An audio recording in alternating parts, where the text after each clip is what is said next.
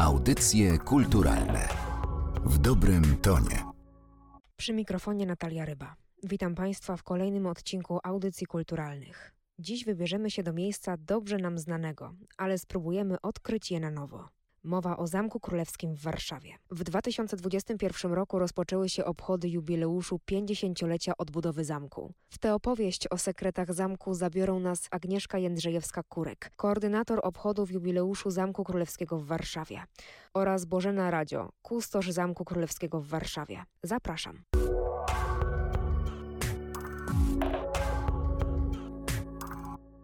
Decyzja o odbudowie zamku, ta ostateczna zapadła dokładnie 50 lat temu. Nasz jubileusz został zaplanowany na 4 lata. Dlaczego 4 lata? Dlatego, że w roku 2024 będziemy świętować kolejną wspaniałą rocznicę oddania zamku publiczności. I dla nas to jest taka okazja, żeby w takim naprawdę symbolicznym czasie, w takiej klamrze trochę czasu, zamknąć ten okres od momentu podjęcia decyzji o odbudowie do momentu zakończenia, symbolicznego zakończenia odbudowy Zamku Królewskiego. Ten proces tak naprawdę i trwał, i cały czas trwa. I o tym również, jak zamek się rozwija, rozwija i na jakim etapie cały czas trwa proces jego odbudowy, właśnie będziemy chciały również Państwu opowiedzieć. To też fantastyczny moment, aby przypomnieć Polakom, dla których Zamek Królewski jest takim bardzo stałym elementem tkanki miejskiej. Ta decyzja rzeczywiście przywróciła zamek z pozycji gruzów, z pozycji bytu, którego nie było, który został zniszczony definitywnie. Więc jest to dla nas okazja, aby Państwu przypomnieć tę niezwykłą decyzję, tę niezwykłą odpowiedzialność, jaką podjęło na siebie tak naprawdę społeczeństwo i o tym trzeba fantastycznie głośno mówić,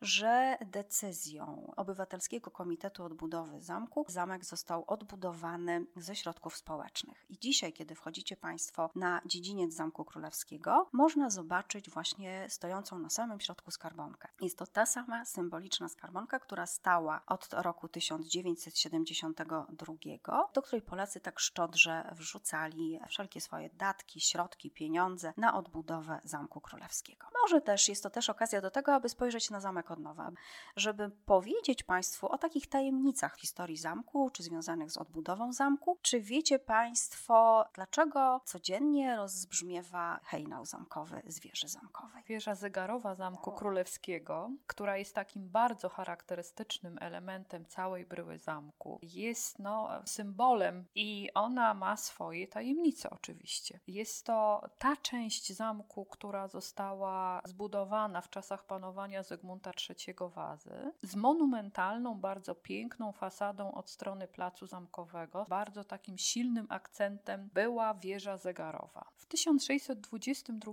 roku na wieży pojawił się pierwszy zegar. On przez wiele, wiele lat wybijał godziny i kuranty. No niestety, przyszedł ten moment, kiedy zamek z rozkazu Adolfa Hitlera został całkowicie zniszczony. Pierwsze pociski 17 września spadły właśnie na wieżę zegarową.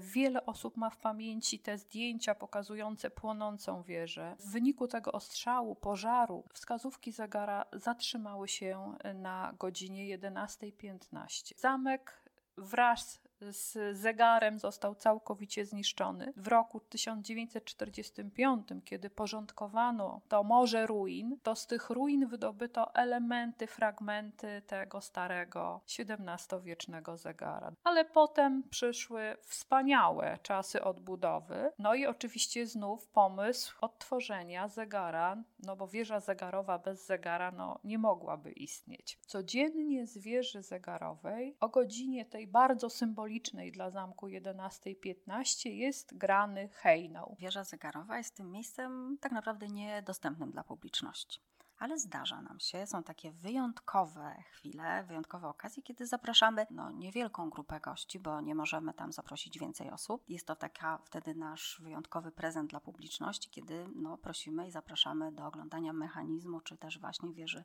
wieży zegarowej. Hejnał, który towarzyszy warszawiakom już od dłuższego czasu, od roku 1995 i codziennie można stanąć przed fasadą zamku i dokładnie dokładnie o godzinie symbolicznej, wyjątkowej dla zamku godzinie 11.15, wysłuchać hejnału. Ten pomysł, żeby Warszawa miała również swój sygnał dźwiękowy, zrodził się y, w gronie powstańców warszawskich, członków Towarzystwa Przyjaciół Zamku Królewskiego w Warszawie. Jak wspominają panowie, zawsze myśleli, że wieża bez strębacza jest taka trochę martwa i zawsze gdzieś tam w tyle głowy mieli ten pomysł, że trzeba ożywić tę wieżę. I rzeczywiście ich pomysł udało się zrealizować. Akademia Muzyczna zorganizowała konkurs na kompozycję, która później stała się hejnałem. Jest to kompozycja pana profesora Bagińskiego. Hejnał grany jest od 95 roku. Początkowo był wykonywany tylko w czasie weekendów, ale od wielu lat jest już codziennie grany. Jest grupa hejnalistów, która wykonuje codziennie zwierzę zamku hejnał.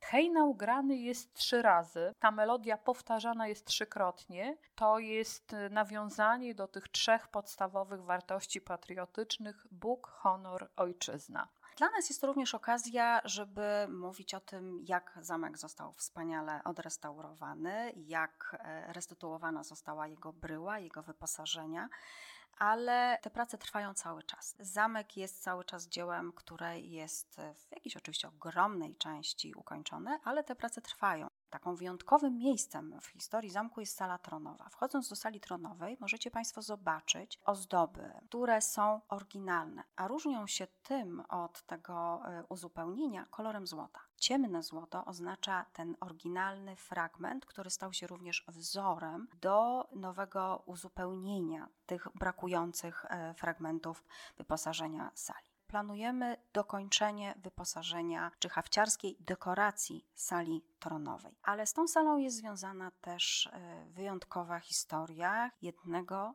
zachowanego orła. Jest to nasz skarb, który również pokazujemy Państwu w wyjątkowych e, okolicznościach w 1786 roku Stanisław August zamawia takiej bardzo znanej, no w tamtych czasach najlepszej manufakturze w Lyonie przepiękną dekorację hawciarską, która ma zdobić salę tronową i podnosić jej rangę, pokazywać dostojeństwo, przepych, bogactwo kraju, którym sprawuje władzę. Ta dekoracja już po roku jest wykonana i trafia do sali tronowej. Rzeczywiście robi niesamowite wrażenie. Czasy rozbiorowe, potem czasy II wojny światowej sprawiają, że ona została zniszczona, rozkradziona. Wiemy, że na zaplecku tronu jeszcze w 1939 roku znajdowały się srebrem haftowane orły.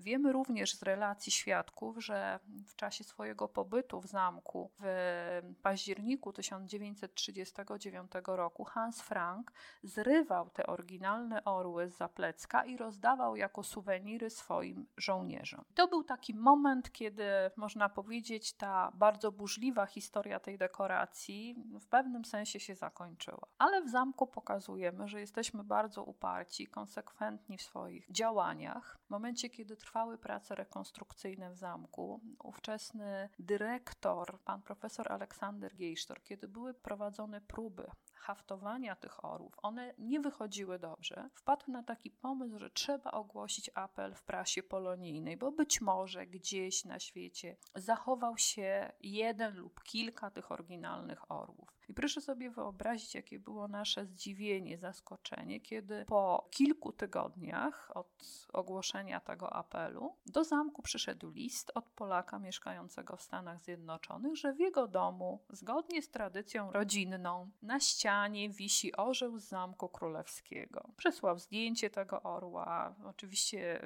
y, grupa zamkowych kustoszy no, była po prostu podekscytowana tą informacją. Po wielu badaniach, korespondencji, i okazało się, że rzeczywiście jest to orzeł z Zamku Królewskiego w Warszawie. Pan Zygmunt Nagórski, Polak mieszkający od wielu lat w Stanach Zjednoczonych, zebrał taką grupę działaczy polonijnych, którzy postanowili dla zamku wykupić tego orła i przekazać go w darze. I tak się rzeczywiście stało. W 1991 roku pan Zygmunt Nagórski w imieniu Polonii przekazał ten jedyny jak dotąd znany y, egzemplarz tego oryginalnego zamkowego orła, i on stał się wzorcem do odtworzenia tych rekonstruowanych 86 orłów z zaplecka królewskiego tronu.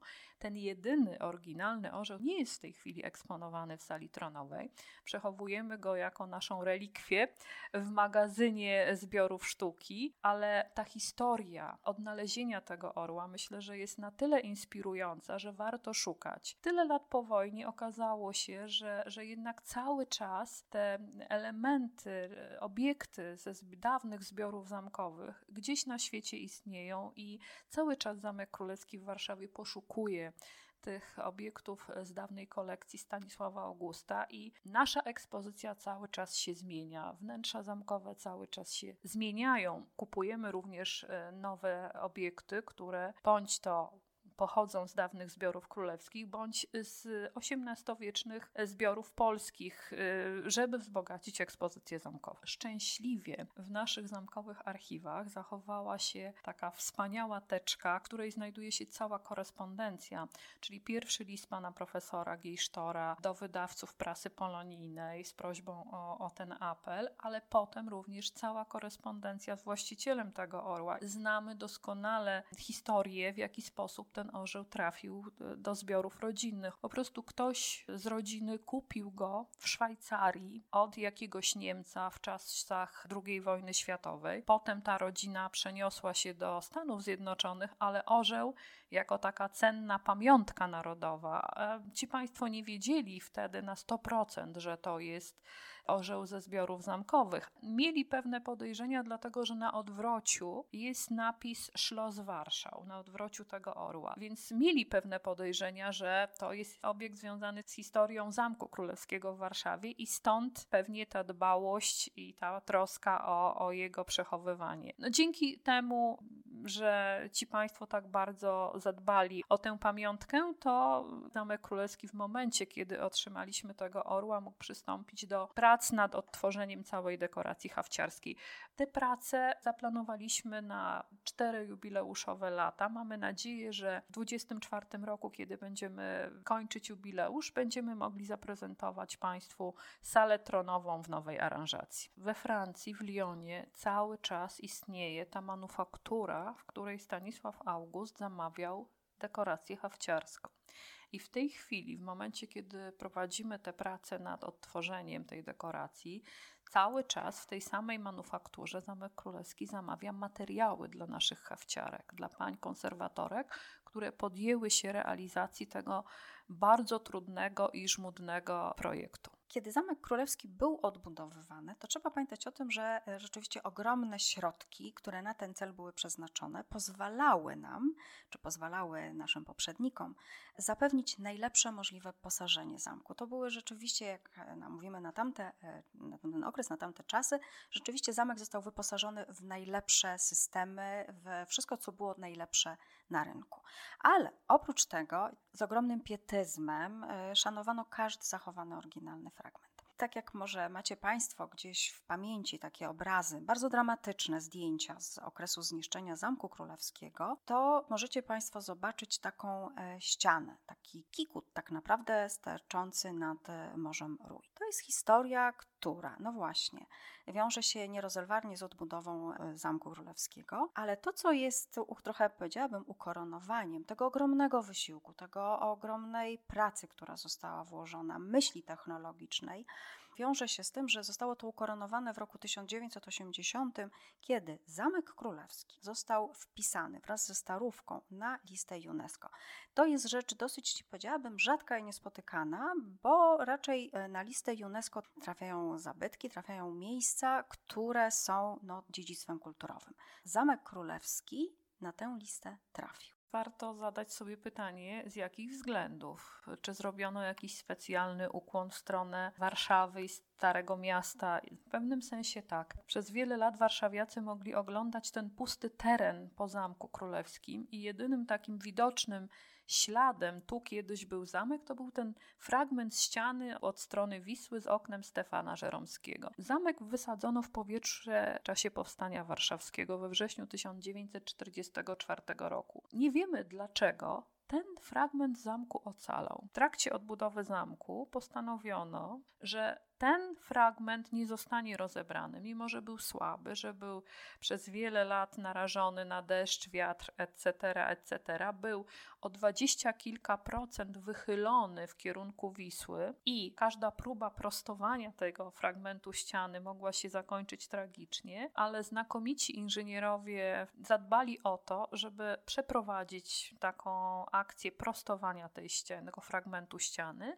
On został włączony w powstający mury. To jest też taki przykład, który pokazuje pietyzm, tę wyjątkową troskę o każdy najmniejszy fragment tej oryginalnej substancji zamkowej. We wnętrzach zamkowych też widzimy bardzo dużo elementów po 1945 roku wydobytych z gruzów zamku, które powróciły na dawne miejsca. Komitet Światowego Dziedzictwa UNESCO zdecydował, że zarówno Stare Miasto, jak i Zamek Królewski zostaną wpisane na tą listę światowego dziedzictwa UNESCO właśnie ze względu na ten pietyzm, którym kierowali się wszyscy ci, którzy brali udział w odbudowie i Starego Miasta i zamku. Jubileusz Zamku Królewskiego to jest okazja, żeby mówić o zamku nie tylko jako o wielkim muzeum. Przy okazji jubileuszu też staramy się Państwu mówić o tym, że wchodząc do sal zamkowych szukajcie Państwo, odkrywajcie zamek na nowo. I patrzcie na to właśnie pod tym nowym kątem, którym my staramy się również w czasie jubileuszu, na który staramy się w czasie jubileuszu Państwu zwrócić uwagę, że każdy fragment, oryginalny zamku jest e, wielką pamiątką, która niesie za sobą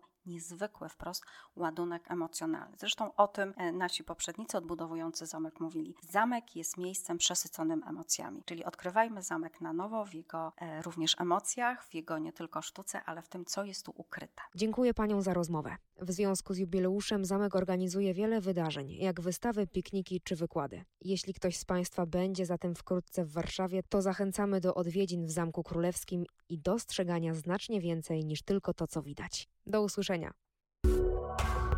Audycje kulturalne w dobrym tonie.